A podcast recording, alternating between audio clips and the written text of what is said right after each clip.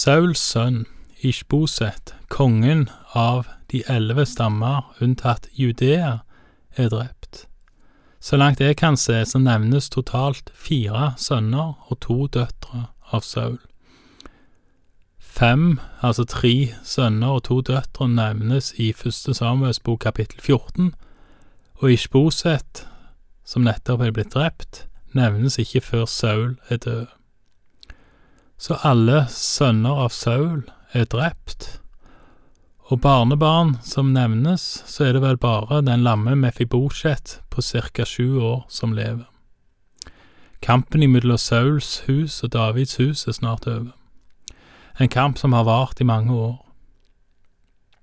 Herren forkasta Saul mange år tidligere, og profeten Samuel salva David til konge mens han ennå var en gjetergutt, foran ikke mindre enn sju eldre brødre.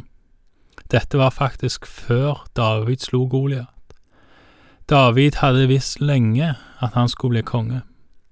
Han hadde nok tvilt på det når han var jager i grottene. Kanskje ga han opp når han gikk over til filisterne og var nær ved å havne på feil side i slaget som drepte Saul. Uansett, nå er det duka for at eh, Israels borgerkrig skal ta slutt, og David skal bli konge. Mange mange liv, både navngitte og ukjente, har gått tapt i borgerkrigen som nå snart er slutt. Vi leser ifra Andre Samuels bok kapittel fem vers én. Så kom alle Israels stammer til David i Hebron og sa, Her er vi, vi er av samme kjøtt og blod som du. Allerede for lenge siden, da Saul var konge over oss, var det du som førte Israel ut og inn. Og Herren sa til deg, du skal vokte mitt folk Israel, og du skal være fyrste over Israel. Og alle Israels eldste kom til kongen i Hebron, og kong David gjorde en pakt med dem i Hebron for Herrens åsyn, og de salvet David til konge over Israel. David var 30 år gammel da han ble konge, og han regjerte i 40 år. I Hebron regjerte han over Juda i sju år og seks måneder, og i Jerusalem regjerte han i 33 år over hele Israel og Juda. De eldste i Israel anerkjenner at David har ledet de lenge, og de anerkjenner at David er sett til vokter og første over Israel av Herren sjøl. Derfor salver de David til konge over hele Israel og Juda, over alle de tolv stammene. Davids alder kan være litt forvirrende. Slik som jeg forstår det, så ble han konge da han var 30, men det var i Juda. Over hele Israel ble han da konge sju år seinere. Så han var da konge i 40 år i Juda og 33 år i hele Israel og Juda. Så ble han da ca. 70 år før han døde.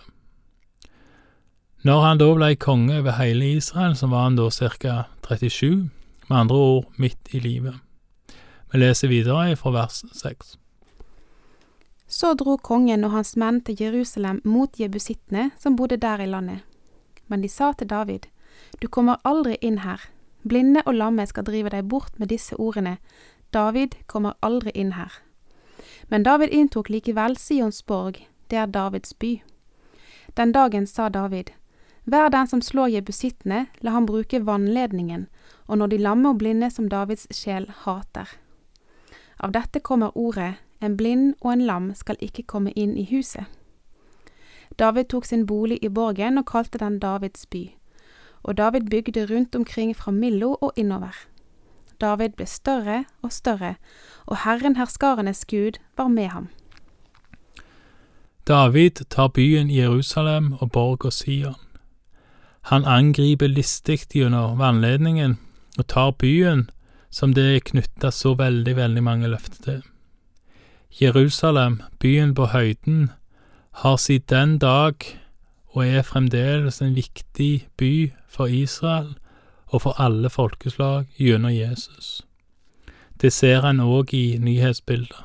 Jerusalem er viktig for mange.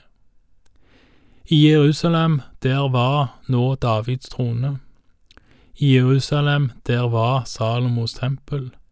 I Jerusalem skal Jesus sitte på Davids trone, og da er han tempelet, som han lovte å bygge opp igjen på tre dager.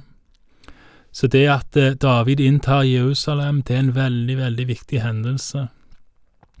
Den hellige by, som òg er forløperen for den evige hellige by, det nye Jerusalem, denne byen er nå under Davids kommando, og det blir starten på Davids velmaktsdage.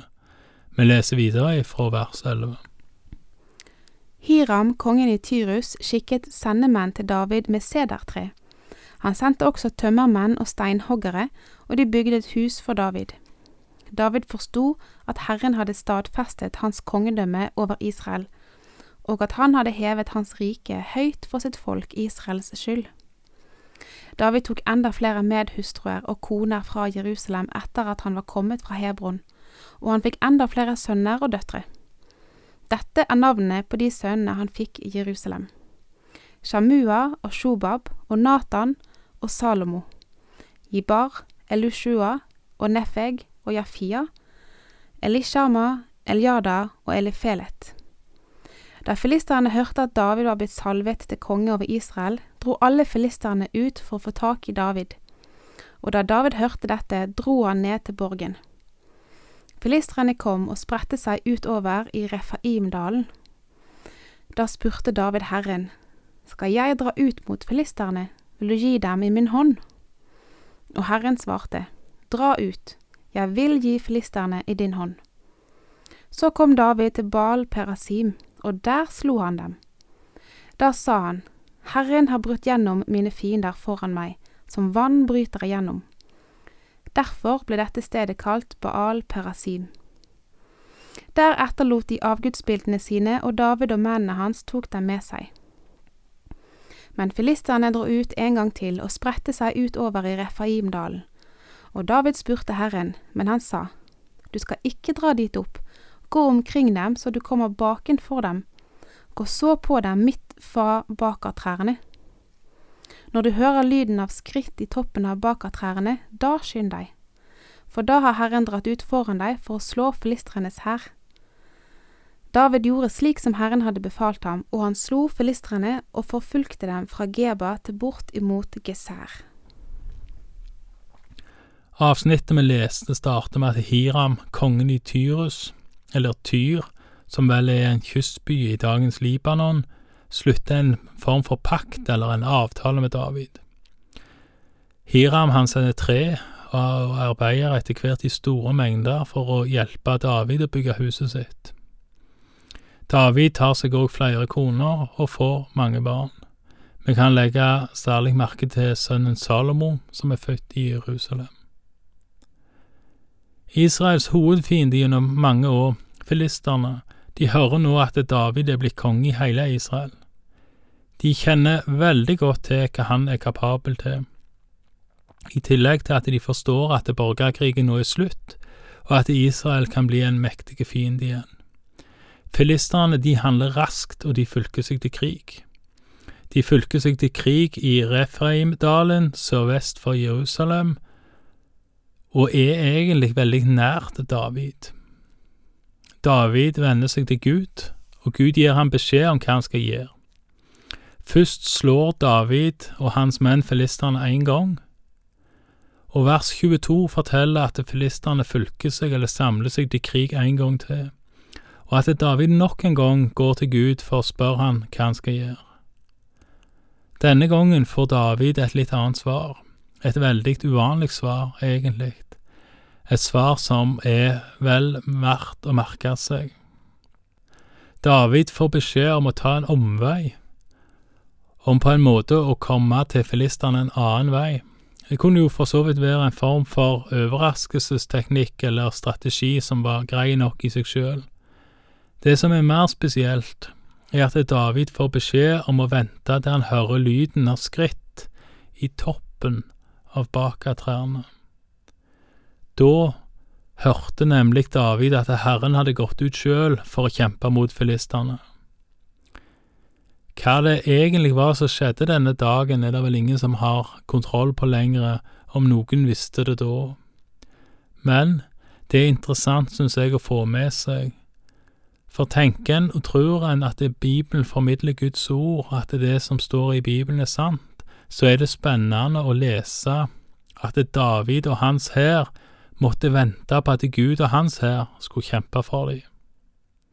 Et veldig konkret eksempel på det kjente bibelverset 'Herren skal stride for dere, og dere skal være stille', som står i andre Mosebok kapittel 14.